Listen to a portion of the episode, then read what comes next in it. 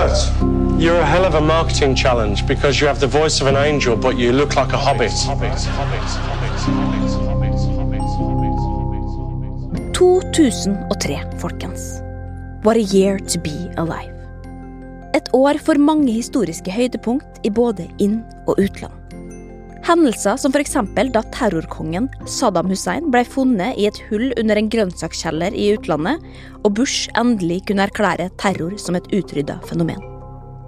Hjemme i Norge gjorde en veldig omdiskutert brus sitt inntog i butikkhyllene, nemlig rusbrusen, og politikerne gikk mildt sagt av hengslene for denne giftige drikken som skulle gjøre oss alle til alkoholikere. Det var året for mange gode sitat, som f.eks.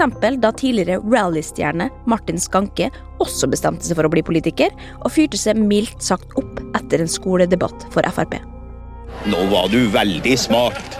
Det var året da sars-viruset brøt ut, og for ikke å snakke om at onkel P og Jonny brøt ut fra Dirty Oppland og ga ut mikstapen Bondegrammatikk. Dia smålbandt Norge med bangeren Hvem er denne karen? Og Gaute ga ut sin første ikoniske singel Chasing Rainbows. Chasing rainbow. Med andre ord, 2003 var et sterkt år for norsk musikk. Med sin første svært vellykka sesong Idol. Det året Kurt stakk av med seieren over min favoritt Gaute, da, og blei hele Norges nye sangstjerne. Men ikke nok med det, for i tillegg til at Kurt skulle være idol og sangstjerne i Norge, så var det også dette året hvor en enda større musikalsk begivenhet skulle finne sted. Nemlig World Idol. En konkurranse som skulle samle alle idolvinnerne verden over, hvor vi sendte vår egen Kurt over Atlanteren for å representere Norge i det som skulle vise seg å bli verdens første, men også siste World Idol. Men hvordan i alle dager skulle egentlig en anonym, innadvendt bergenser ha sjans til å slå internasjonale idolvinnere som allerede hadde solgt millioner av plater? Hva var det egentlig som skjedde der borte, og hva var det som gjorde at Kurt greide det umulige å stikke av med verdens gjeveste tittel? Og hvordan kan man egentlig vinne en sangkonkurranse når det eneste folk har lyst til å snakke om, er utseendet ditt?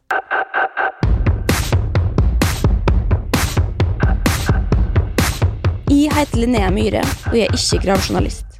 Men jeg er veldig interessert i alle detaljene du trodde at du ikke trengte, og i dag skal vi tilbake til en svært viktig hendelse i norsk historie.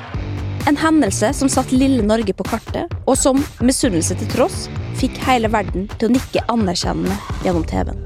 Jeg snakker selvfølgelig om da Kurt Nilsen konkurrerte i det storslåtte World Idol og endte med å slå både Storbritannia, Canada, Amerika og Nederland langt ned i treskoa.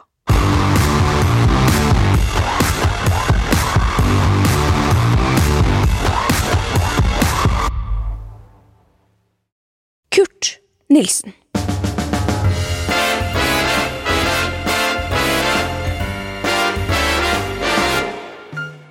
Jeg veit hva du tenker. Utsolgte julekonserter, en fin smoking, gitarhytte. Millionæren som fikk 13 millioner i koronastøtte.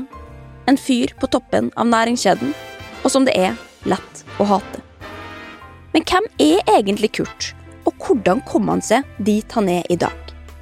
Og ikke minst, hvordan kom egentlig Kurt på at han skulle bli Norges neste sangstjerne? Det er en VG-sak fra 2013 at Kurt forteller hele historien. For det skjedde i de dager i 2002 at Kurt faktisk var vokalist i et band ved navn Fenrik Lane, som var et slags, ja, hva skal man si, litt sånn skrangleband på, på sida av rørleggerjobben som han bare hadde på artig. Noen ganger så fikk de spillejobber, og det var en kveld på høsten 2002 at de hadde hatt en spillejobb i Florø. Og det var en sliten Opel etter både konsert og nach at teknikeren til Kurt pakka hele bandet i bilen og brukte hele natta for å kjøre hjem til Bergen.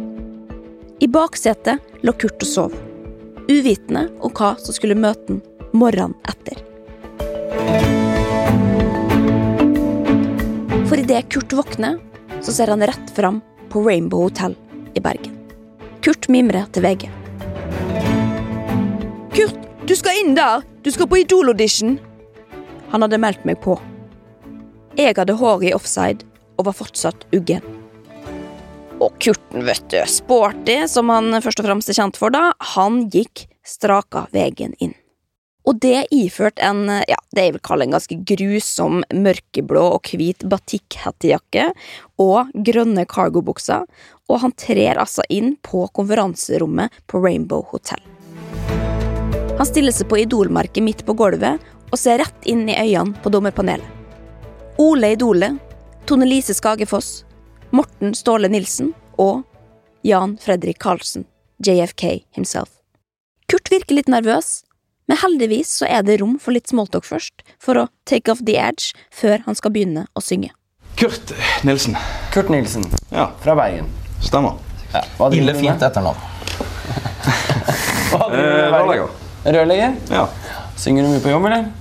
hele dagen. Hele dagen. Jeg får ikke gjort noe. Hva hører du på da? Hva slags type musikk hører du på? Uh, Det er hovedsakelig poprock og veldig frem og tilbake på sjangeren innen Pearl Jam, uh, motorpsyko. Alt som har med norsk og amerikansk rock å gjøre. Ah, Motorpsyko også, så jævlig bra. Men uansett, etter å ha smalltalka litt, og Kurt har fått retta på den geléglinsende sveisen for 28. gang, så er det nå klart for å vise juryen hva han kan. Hva skal du synge for oss? Eh, Jeg skal synge en sang som heter «Hei, Hate How You Say Goodbye. Det er en uh, låt fra bandet nå, som jeg spiller i. Så eh, Selvkomponert? ja, Som du har laget, eller? stemmer. Ja. Tekst og melodi? Ja. Så du skal altså synge en låt du har laga sjøl, ja, som ingen har hørt før. Det, det er jo egentlig det man kaller musikalsk selvmord da, i idolsammenheng, men det er vel greit, og jeg, ja, jeg sier nå egentlig bare som Jan Fredrik Karlsen gjør, jeg, altså. Vær så god. Gulvet er ditt. Og med det tar Kurten et siste desperat gisp før han lukker øynene og begynner å synge. I will never forget I left my heart in the city I will never regret the time that we spent Og Kurt han synger jo bra, han gjør jo det. Men ikke så bra at folk blir overvelda, liksom. Eh, heller tvert imot, egentlig. Og samtlige av dommerne ser enten sur eller uinteressert ut. Til og med Jan Fredrik Karlsen lar seg ikke imponere, og overlater egentlig avgjørelsen til de andre. Hvor Ole Idole rett og slett bare sier det rett ut, altså. Ole?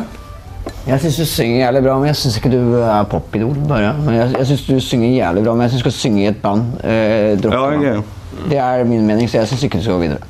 Og Trine Lise hun er egentlig enig, altså, men likevel litt mer positiv til å sende han videre. Før det er Morten Ståle Nilsen da, som er keen på å se Kurt synge noe litt andre typer sanger, kanskje gjerne med litt mer sving. Og nå er han altså nysgjerrig på hvordan Kurt tror han hadde takla det, noe Kurt har et ja, litt spesielt svar til, spør du meg. Uh, hvis uh, du får en sånn swing eller en poplåt oppi fanget, kan du synge den med like, like ektefølt som du sang det her nå? Ja, det kommer jo an på selvfølgelig hva teksten innebærer. da. Altså, Skal jeg synge om kropp og sånne ting, så tviler jeg sterkt på det. At jeg klarer å utføre den like godt som alle andre. Som jo er litt trist å høre, da, særlig når Kurt også ser ned på kroppen sin samtidig som han sier det. Og hva svarer man, liksom? Men Ståle Nilsen han er uansett overbevist, og sånn sett positiv, og nå står det altså og faller på vår mann Jan Fredrik Karlsen. Som ikke er så veldig mye klokere, men ja, fuck it. Jeg syns du hadde identitet i stemmen. Jeg synes Det er kult at du gjorde det du gjorde. Jeg ser jo meg mye mer for deg Altså Jeg ser helt klart at du er i et band, og at det funker i den pakka. Men jeg syns det er verdt å ta sjansen på å sende deg videre til neste runde. Så jeg syns også at det Vi prøver det. Og med det, mine damer og herrer, er Kurten offisielt inne. Med selv komponert sang så har han nå fått billett til Oslo for å bevise at han ikke bare hører hjemme i et band på ei lita scene i distriktet, men at han også nå har sin egen identitet. Og at han ikke minst har det som skal til for å bli Norges neste superstjerne. Og nå gjelder det bare å overbevise Norge om akkurat det. Og det kan vi mildt sagt si at han gjør. For Kurt klatrer seg som en snill underdog hele veien opp til livesendingene. I godt selskap med stjerner som Orji Okorafor, Espen Grotheim, David Pedersen og Gaute Ormåsen, som alle husker. Og sjøl om det er lett å si nå, så jeg får ikke akkurat sjokk når jeg ser gjennom lista over låtene Kurt eh, opptredde med. Altså, det er ikke overraskende greier. Det er alt fra U2 til U2, egentlig, for å si det sånn, med noe ja, Elton Johns Candle in the Wind mellom der, Lou Reeds 'Perfect Day'. Oh, it's such a Perfect Day. Og under diskoaften så prøver han seg på en frekk My First, My Last, My Everything.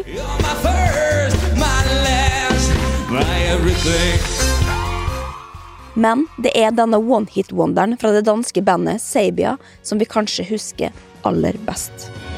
Please tell me why do you burn? Sing when you're Og etter ti uker med livesendinger hver fredag, så er det endelig klart for å avgjøre hvem som skal bli vinner. Gaute er kjekkasen med den nasale stemmen, mens Kurt er den folkelige rørleggeren med den hese, relativt klokkeklare røsten. De to skal synge hver sine tre sanger, hvor begge har fått sin spesialdesigna finalelåt som skal gis ut på singel. Gaute med den nyskrevne låta 'Chasing Rainbow' og Kurt med 'She's So High'. Som faktisk bare er en cover av den kanadiske artisten Tal Backman. Som jeg skal innrømme at jeg ikke visste den gangen, altså. Men jeg blir jo selvfølgelig litt skuffa over det i dag, da. For man føler seg jo unektelig ført bak lyset. Man gjør jo det. Særlig når det også var Kurt som stakk av med seieren, med knepne 53% av stemmen. Men nå skal det ikke handle om at de følte at Kurt stjal seieren fra Gaute, altså. For både Kurt og Gaute leverte samtlige låter så godt at ikke engang juryen greide å felle en dom. Dommer Ole tok for eksempel finaleduoen på kornet, syns han sjøl i hvert fall, med følgende sitat. Hadde jeg sett ut som Gaute og sunget som Kurt, så hadde jeg vært verdensstjerne. Ja, ikke sant. Men uansett hvor lite Gaute Kurt så ut, så er det nå altså Kurt som er vinneren. Kurt starter from the bottom og klatrer seg oppover, og nå er han her, på toppen av Idolpallen, som Norges nye superstjerne.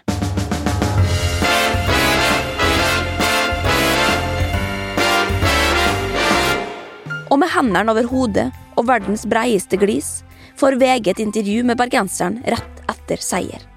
Og med overskrifta Utrolig kult! Og faktisk eh, fire u-er der i teksten. Så beskriver Kurt følelsen. Blodet gikk rett til hodet på meg. Dette er stort. Det er utrolig kult. Jeg ler meg i hjel. Yes! Før han så fortelle hvordan denne seieren skal markeres. Det blir høy partyfaktor. Nå skal jeg feste til det går tomt for drikke.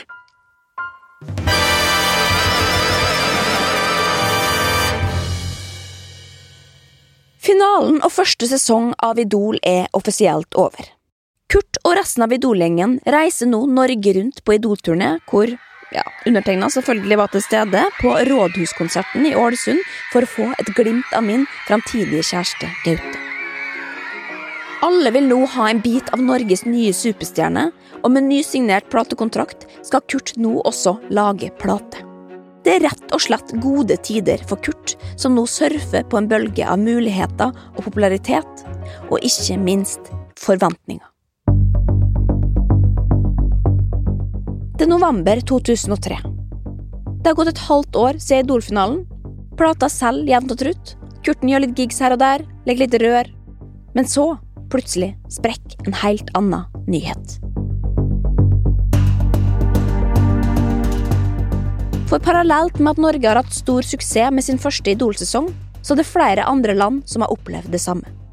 Storbritannia var allerede førstemann ut et år før med det de kalte Pop Idol, hvor hele landet ble rabiate og sloss om hvem som var best, Gareth Gates eller Will Young, hvor det var sistnevnte, som jeg selvfølgelig også var forelska i, da, som vant. I USA hadde Kelly Clarkson gjort rent bord i American Idol, og land som Tyskland, Sør-Afrika og Canada fulgte etter. Og hva gjør man egentlig når man har et syngekonsept som gjør nasjonal suksess? Jo, man slår sammen hele driten og går international. Akkurat som Junior Grand Prix kjørte skandinavisk finale i 2002 med MGP Nordic med de beste kidsa fra Sverige, Danmark, Finland og Norge, uten at det ble så veldig stor suksess heller, men det er likevel lov å prøve seg, og med det, mine damer og herrer, oppstår det som nå skal bli verdens aller første World Idol. Og der skal selvfølgelig vår egen Kurt være med. Norge er fra seg av begeistring. Skal vi virkelig få være med fiffen borti USA og England og greier, på TV? Nei, nå! VG slår det opp på forsida. Idol-vinner Kurt Nilsen skal kjempe om å være hele verdens idol i en gedigen verdensfinale. 640 millioner potensielle seere kan se finalen i beste sendetid rundt omkring i hele verden. Ja, og så står det her da at finalen skal foregå i Storbritannia, og Kurt, som selvfølgelig er spent, da, forteller da altså gledelig om sine erfaringer med utlandet. Nei, altså, jeg har eh, aldri jobbet i utlandet. Det er veldig spennende. Jeg har en småklump i halsen. Men småklump i halsen til tross, så har Kurt i hvert fall ett konkret mål med reisen. Det første jeg skal gjøre når jeg kommer til England, det er å spise fish and chips fra avispapir. Og når VG spør om han tror at han kan vinne denne finalen, så svarer han ydmykt. Nei, altså, dette forholder jeg meg eh, moderat til. Dette er jo artister som eh, har gjort det stort i hele verden, mens jeg, jeg er jo bare en liten nordmann fra lille Norge. Og ja, det stemmer det. Kurt er bare en liten nordmann fra lille Norge, og det må han aldri glemme. For det nå folk snakker om, er hvorvidt det faktisk er mulig at den lille nordmannen i det hele tatt kan slå Amerika eller England, selv om vi jo selvfølgelig gjerne har lyst til å være best og sånn, altså, men man må jo ikke bli helt stormannsgal heller. Kongeriket Norge er med andre ord usikre, og det er kun få dager igjen til vi skal sende Kurt bort til UK for å spise fish and chips, synge noe greier og konkurrere mot flere av verdens største popstjerner akkurat nå.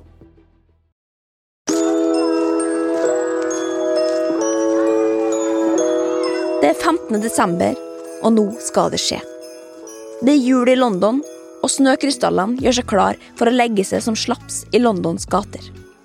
Oxford Street har hengt opp den glorete julepynten sin, og Mr. Bean har kjøpt nye julekuler på Harrods.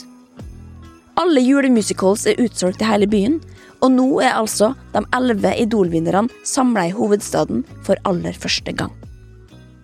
VG er på plass, og med overskrifta 'Kurt møtte rivalene' er de elleve rivalene altså nå samla i ett og samme bilde. Som er en broket forsamling, altså, for øvrig, med tre kvinner og åtte menn, men i midten, folkens, så står Kelly Clarkson og Kurt tett i tett og smiler. Kurten vår. Vår Kurt. VG skriver alt de kan og veit om det som skal skje de neste ukene, og her leser jeg egentlig bare rett av, altså, fordi de forklarer egentlig alt vi trenger å vite i forbindelse med denne litt innvikla finalen. Den norske Idol-helten har bestemt seg for å fremføre U2-låten A Beautiful Day, som han også sjarmerte norske TV-seere med i oppløpet før seieren i mai i år. Kurt og alle rivalene skal vise hva de duger til i et show som går på lufta 28. desember. Da får TV-seerne i alle deltakerlandene mulighet til å stemme fram sin favoritt. Alle artistene skal synge inn sitt bidrag på forhånd, og Kurt kan dermed følge avstemningen hjemme fra stua i Bergen. Resultatet av avstemningen er ikke klart før første nyttårsdag. Ja, og det var nå egentlig det, da, som skrives i den saken, for det er visst travle dager borti UK der, og det blir ikke mye tid til intervju med norsk presse. Og derfor vites det heller ikke om Kurt verken har rukket å kaste innpå noe fish and chips fra avispapirene, da, eller om han har noen tanker om Norge mens han er her i utlandet. Nei, VG får rett og slett ikke et eneste ord ut av Kurt. Snakk om å bli stormannsgal! I mellomtida blir det jul i det lille pottitlandet Norge. Kurt har reist tilbake til Vestlandet og feirer i ro og mak hjemme.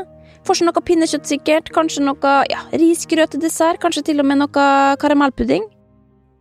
Men sjøl om jul er koselig og sånn, så er det jo én ting vi alle venter på.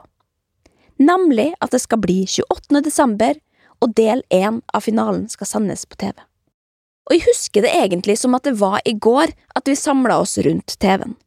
Det var OL 94, bare større, og ingen brydde seg om noe annet enn Kurt, og kanskje litt om Kelly Clarkson og Will Young, da, for min del, men hysj, nå begynner det! Nå begynner World Idol, dere! Nå begynner det!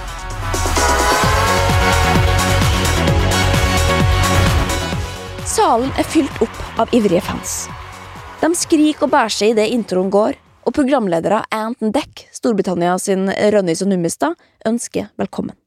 De elleve deltakerne er på plass, og det samme er dommerne, én fra hvert land. Fra Norge Jan Fredrik Karlsen. Selvfølgelig.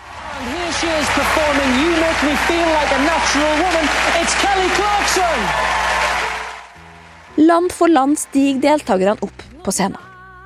Kelly Clarkson synger Natural Woman iført dress, høye hæler og hatt, selvfølgelig, og akkurat litt for lik Alicia Keys sin signaturlook i samme periode.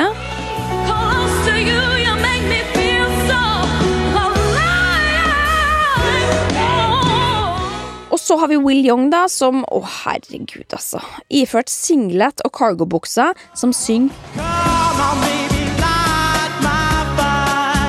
Og her må jeg rett og slett bare innrømme det, altså, at jeg røyk på en smell og brukte hele kontaktkortet mitt. Og ja, jeg veit at det er antinasjonalistisk, men vi kunne jo ikke stemme på Kurt uansett, og herregud, så dere Will Young sine biceps i den singleten, eller blikket han satt i kamera under opptredenen sin? Altså, sit on my face, altså. Men uansett, drit i Kelly og Will, for endelig så er det nå Kurt sin tur. Og iført finskjorte med en mørk, steinvaska dongerijakke over, så stiger han nå opp på scenen.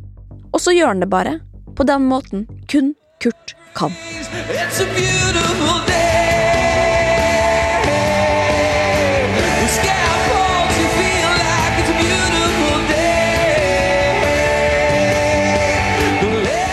Ja, hva skal man si?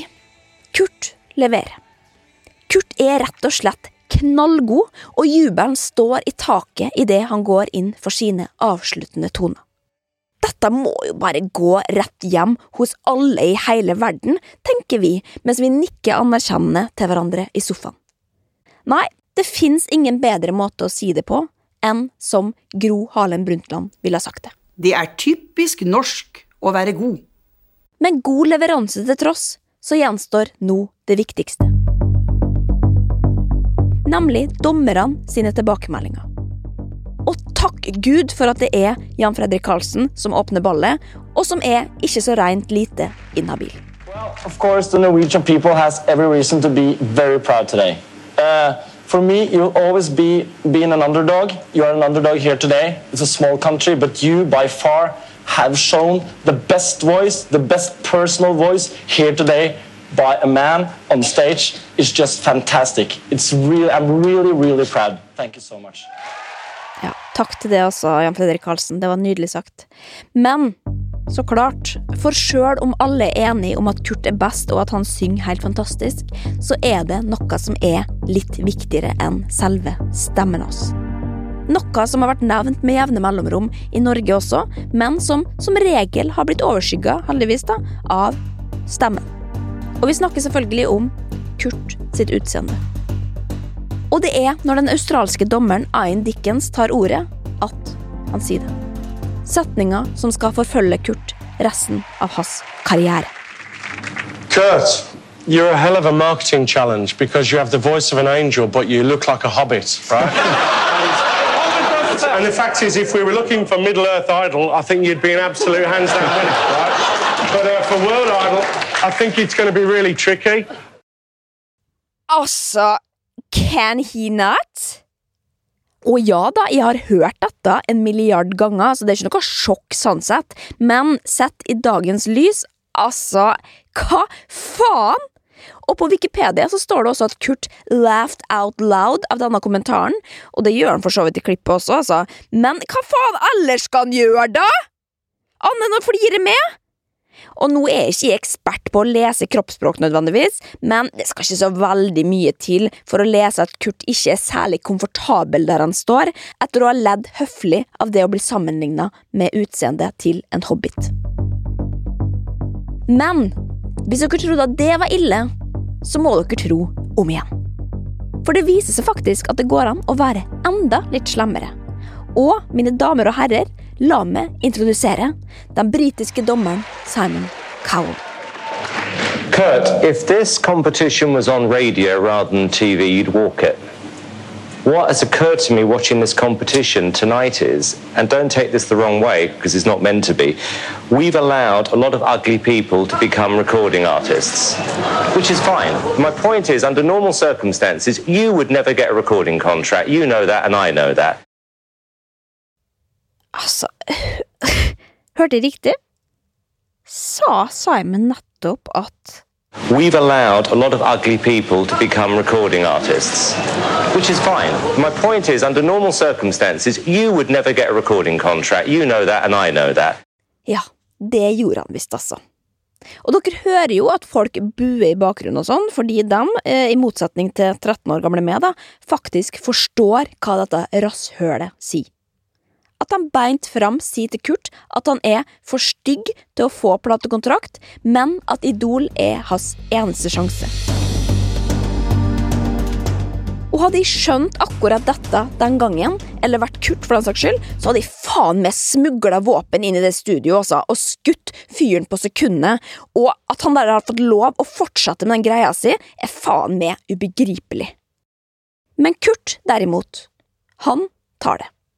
Foran flere millioner mennesker så står han der og tar imot dritten om utseendet sitt, og du kan se hvordan det som i utgangspunktet var et tilfreds smil, visner mer og mer jo lenger Simon kommer ut i talen sin.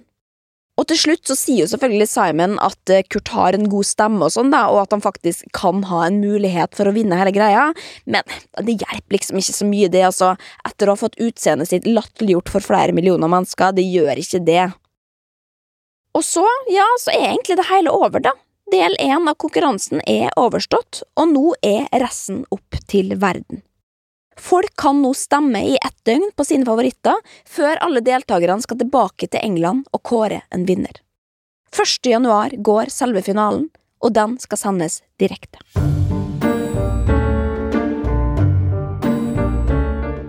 I mellomtida debrifes det hardt i norske aviser. Alle er enige om at Kurt var best, og at det er Hobbit-kommentaren som får klart mest oppmerksomhet. VG mener likevel at det er andre deltakere som også fikk høre det, og skriver nå at Kurt faktisk slapp billig unna, og lister opp kommentarer de andre skal ha fått. Den tyske deltakeren ble regelrett mobbet for sin fremføring. Som karaoke på et eldresenter! Og et annet eksempel her, da, hvor Simon Cowell heller ikke skal ha lagt fingrene mellom, ifølge VG, og skal ha sagt I don't want to be rude, but this was horrible. You're hopeless. Ja, og Nå skal ikke jeg være dommer i hva som er verst, her altså, men å si at Kurt slapp billig unna, er vel å ta litt i, eller? Og særlig komisk blir det også når Bergens Tidende, på toppen av det hele, har hyra inn, hold dere fast, Tolkien-ekspert Nils Ivar Agøy for å kommentere Hobbit-kommentaren om Kurt. Og etter å ha studert et avisbilde av Kurt, så kan Tolkien-eksperten nå si følgende. Jeg skjønner hva han mener. Hobbitene hører til med menneskene. De ser ut som andre folk, bortsett fra at de har en tendens til å være litt mer krøllete i håret og er litt tykkfallende i ansiktet. De er små av vekst, har tykk hud under føttene, har krøllete hår og ellers relativt liten hårvekst. Altså, fy faen. Her har norske Kurt Nilsen levert en perfekt versjon av It's a Beautiful Day på International TV, for å så få høre at han ligner på en hobbit av en eller annen dommer-nobody fra Australia. Men istedenfor at vi nordmenn nå sender gode tanker og heier opp, så sitter vi altså og analyserer hvorvidt han faktisk ligner på en hobbit. Altså, jeg orker ikke!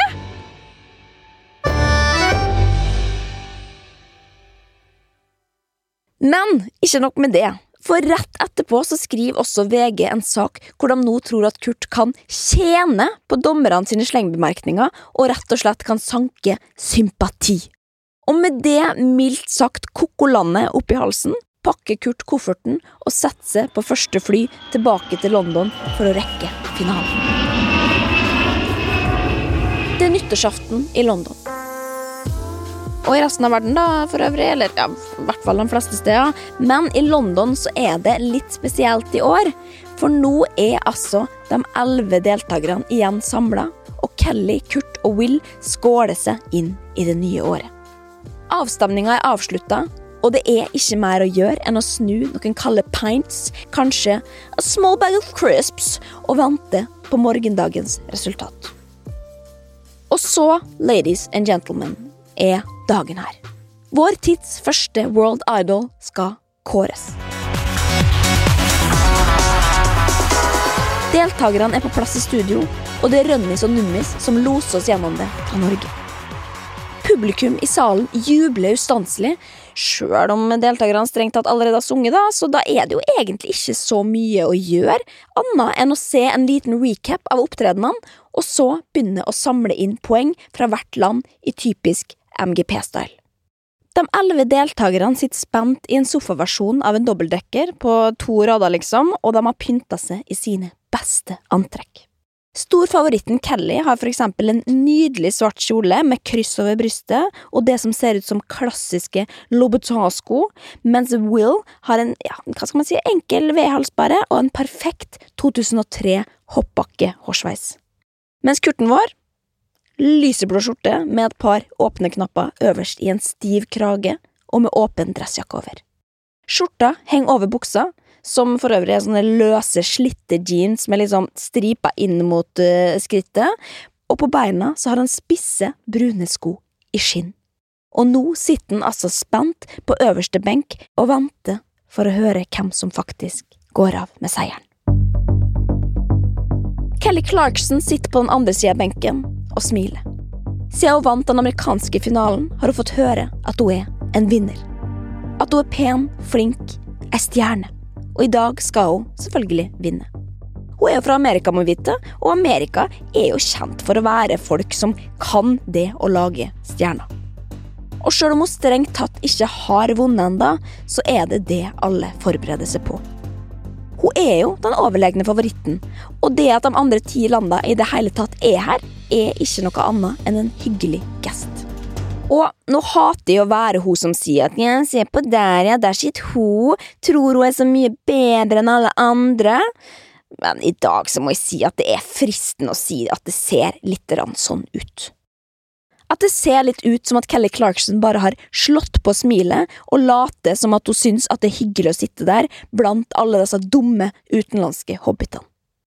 Og med det falske smilet skrudd på, starter poengutdelinga. Det er Tyskland som først skal dele ut sine poeng.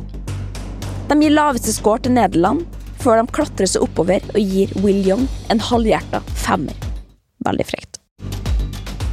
Og det er når de kommer til de to høyeste poengskårene at det begynner å bli spennende. For hvem tror dere som sitter igjen og ikke har fått poengene sine ennå? Jo, det er selvfølgelig Kelly og Kurt. En nier og en tier gjenstår, og skal nå sette stemninga for resten av denne utdelinga. Og det er med sjokk og vantro at den første tieren går til Kurt Nilsen. Sånn fortsetter det. Det er jevnt hele veien mellom Kurt og Kelly. Men det er Kurt som får tierne. Kelly får nierne, og noen ganger så får hun til og med åttere, og smilet hennes anstrenger seg mer og mer for hvert land som legger på.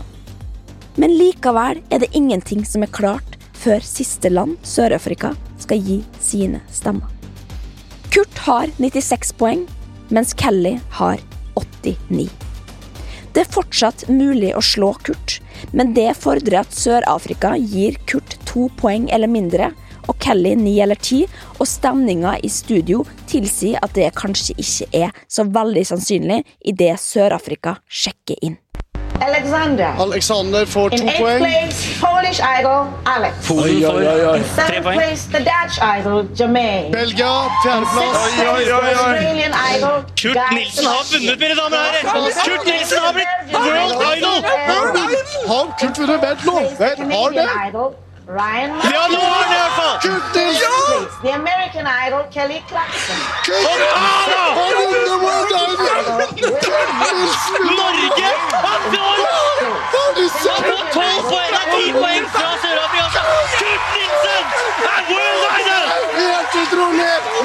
Gratulerer!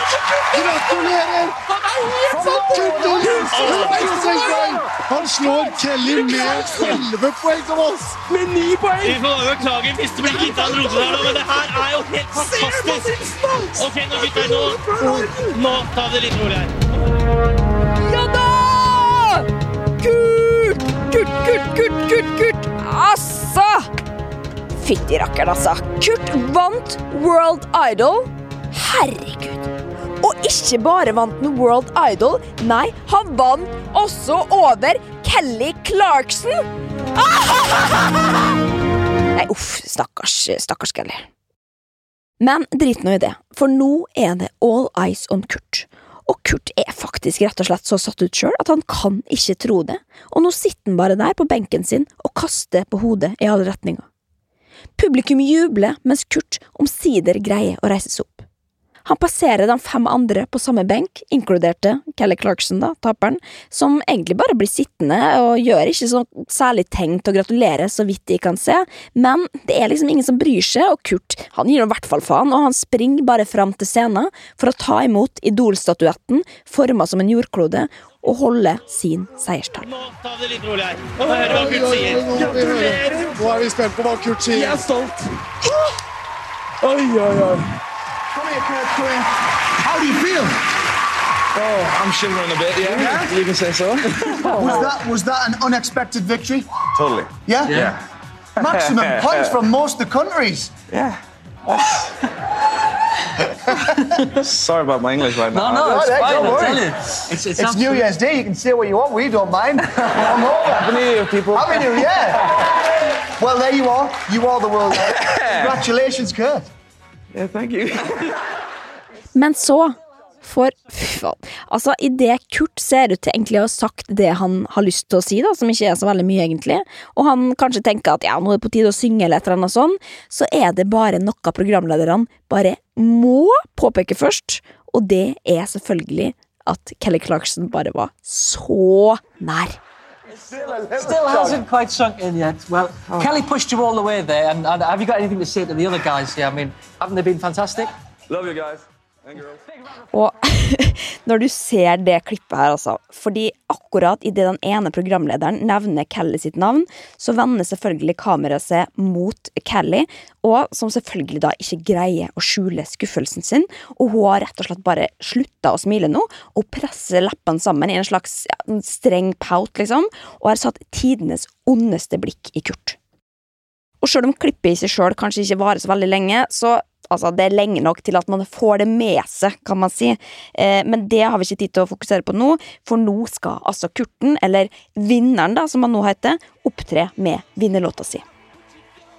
Og mens gullkonfettien spruter og jubelen står i taket, så setter Kurt fra seg statuetten, tar mikrofonen og synger vinnerlåta en gang til. It's a beautiful day.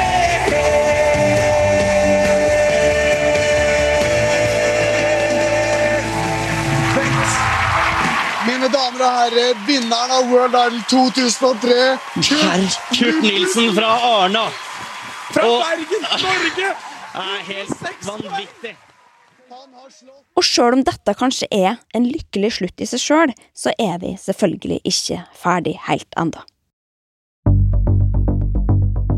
For til tross for at World Idol i og for seg var en eh, suksess, da, med hele 1,4 millioner norske seere og sånn, og enda flere i utlandet selvfølgelig, så er det noe som ulmer i kjølvannet av Idol-seieren.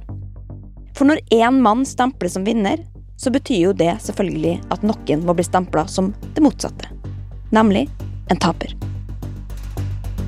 Og dette, forresten, det, det vet jeg alt om, eh, faktisk. eh, Etter å ha havna på sisteplass da jeg var med på Junior Grand Prix eh, i 2002. Det kan jeg si var en tung bør å bære med seg tilbake på skolen mandagen etter, altså. Og det kan jo også tenkes at det er sånn for Kelly. Og nå går også ryktet om at hun rett og slett skal ha tatt dette her ganske ille opp, og at hun ikke engang har orka å gratulere Kurt med seieren i finalen, men at hun bare skal ha sprunget rett ut. Og det høres jo ikke bra ut, det gjør ikke det, altså. Men hva skal man gjøre, liksom? Er det Kurt sin feil at han er best? Og hva faen er det som skjer her, egentlig? Er det mulig å bli noe dårligere taper? Nei, det er vanskelig å si. Og det er i hvert fall vanskelig å vite helt sikkert. Og dette ryktet får faktisk pågå ganske lenge uten at noen egentlig sier noe som helst, og utenlandsk sladderpresse spekulerer selvfølgelig hva som har skjedd, da. og nå blandes til og med Will Young inn som en av dem som er de dårlige taperne som ikke skal ha gratulert Kurt med seieren. Og det er faktisk ikke før fem måneder etter, på selveste 17. mai, at Kurt blir invitert til britisk morgen-TV for å snakke om Idol-seieren. Eller om hva det er Kurt egentlig skal ha sagt om eh, hele England sin Will Young. da. Og Kurt altså, han rekker knapt å sette seg ned før han blir stilt til veggs. And he's here now. I mean, you scored maximum points. There was no way anyone was near you. We welcome Kurt Nielsen. How are you? Well, I'm great. It's very good to see. Now, look, what's all this about you being um, not very nice about Will Young? You say here, Will Young is a bleep bleep. He didn't want to shake my hand or say hello. Oh? Right. No. What happened then? Well, we sat backstage and um, er- there was a lot of fuss about it, camera who won, and suddenly they, well, Kelly and Will went home, right? And well, I guess the paper kind of writes what they hear, and so the tabloids.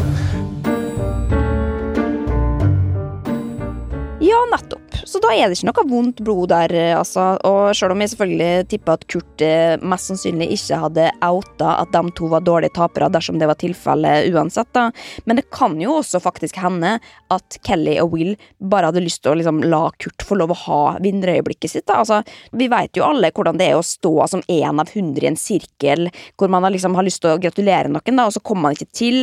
Altså, det er jo både flaut og uverdig, og særlig for eh, Kelly og Will, da. Jeg forstår det godt, jeg hadde sikkert eh, stukket hjem sjøl, faktisk.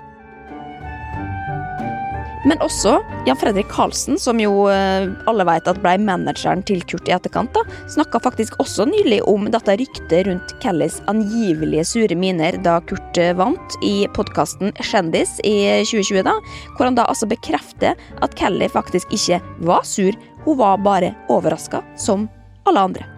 Altså, Det kommer ikke til å bli en internasjonal prioritet at Kurt vant World Idol, fordi seertallene var ikke så dritsvære i Amerika. Sånn. Var det ikke det? Nei, det var veldig veldig stort i Tyskland. Kurt Ja. ble veldig stor i Tyskland, Ja. men det var ikke så veldig mange som fulgte med. Og i og med at Kelly Clarkson ikke vant, Ja. og sånn, det var Nei, jo åh. egentlig en marketingkampanje for enten Kelly Clarkson eller Will Young. Mm. Men Kelly Clarkson og Kurt de ble jo kjempevenner og sånn. Ble de det? Ja, ja, ja. Jøss, jeg hadde trodd det der var skikkelig ja, men Det var fordi det var ett bilde av henne hvor hun ble helt sånn overrasket. Ja. Så det virket som, Da ble det fremstilt som at hun ble kjempesur. Ja. Det er ikke tilfellet. Det er igjen vet det der hva som er sannhet. ja, ja, ja. Nei, det er ikke sant i det hele tatt. Ja. Det ble, men hun ble selvfølgelig overrasket. Ja. Alle ble overrasket. Til og med vi i Norge ble overrasket Ja, ja. over at Kurt vant. Ikke fordi at ikke vi veit at han kan synge bra. Nei, Vi tenkte at dette her er en slag. Men med den saken ute av verden, så er det en siste ting vi har lyst til å vite. For én ting er jo alle disse ryktene og det å vinne over Kelly og sånn, men er det én ting Kurt enda ikke har satt ord på, så er det hva han egentlig syns om å stadig få kommentert utseendet sitt, eller å bli kalt hobbit. Og det er i samme intervju med britisk morgen-TV at dette dukker opp som tema. Og nå legges det opp til at dette må ha vært en ekstra deilig fuck you til haterne da, å, å vinne. Men det går ikke Kurt helt med på. And, uh, and that, the fact that you won was a real poke in the eye for those judges who were so unnecessarily rude. Yeah, well, what did you feel about that when they Well- were saying those things to you, like a hobbit? yeah. Well, I don't care about that though. I don't. I know that I don't look like a model or something, but uh, I'm just there to do a song and do it the best way and see how it goes.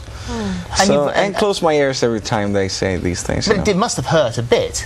No, Didn't care. You don't care. I got thick skin. Ja, så da har dere det, folkens. Det er rett og slett svar, altså. Og Nå skal jeg ikke spekulere så mye i hva dette her betyr, akkurat, men altså, han sier jo egentlig to ting her. Han sier både at han er tykkhuda, men også at han har måttet lukke ørene hver gang dommerne har kommet med slengbemerkninger. Noe som man sikkert tenker at eh, folk bare må regne med da, når man er i bransjen, men jeg veit ikke helt om jeg syns det. altså. Eh, Om det skal liksom være innafor å snakke stygt om utseendet til folk bare fordi at de har meldt seg på Idol? Og hvis noen syns at det er for moralpolitiaktig å, å mene, så, så får det være greit, for jeg syns rett og slett ikke at man skal drive og, og kalle hverandre for hobbiter. Og det må da være andre ting å ta folk på. Jeg tenker for eksempel eh, altså den batikkskjorta til Kurt eller noe. Altså, Den kunne jeg laga en hel episode om, jeg. Men med det sagt så må også denne episoden ta slutt. Som alt annet. Og ikke minst som World Idol. For World Idol fikk bare én sesong, og så var det slutt. Og jeg veit ikke om det har noe sammenheng med at Simon Cowell da i etterkant skal ha sagt at han hater hele opplegget, og at han ikke forsto poenget, men det ble i hvert fall ikke noe mer etter det, da. Men hvis vi først skal nevne ting da som vi, vi hater, så kan jeg i hvert fall si det at uh, jeg hater det, Simon.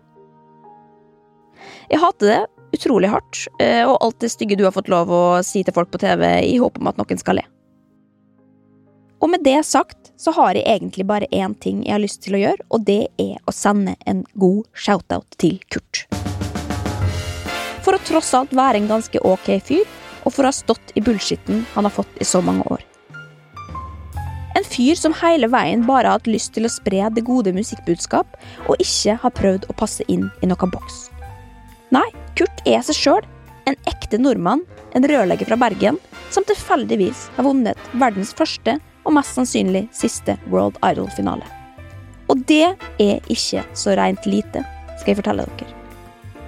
Nei, jeg er rett og slett nesten frista til å si at de unner både gitarhytte og koronamillioner altså, som plaster på såret. Men det gjør jeg selvfølgelig ikke. Jeg er jo tross alt norsk, jeg også.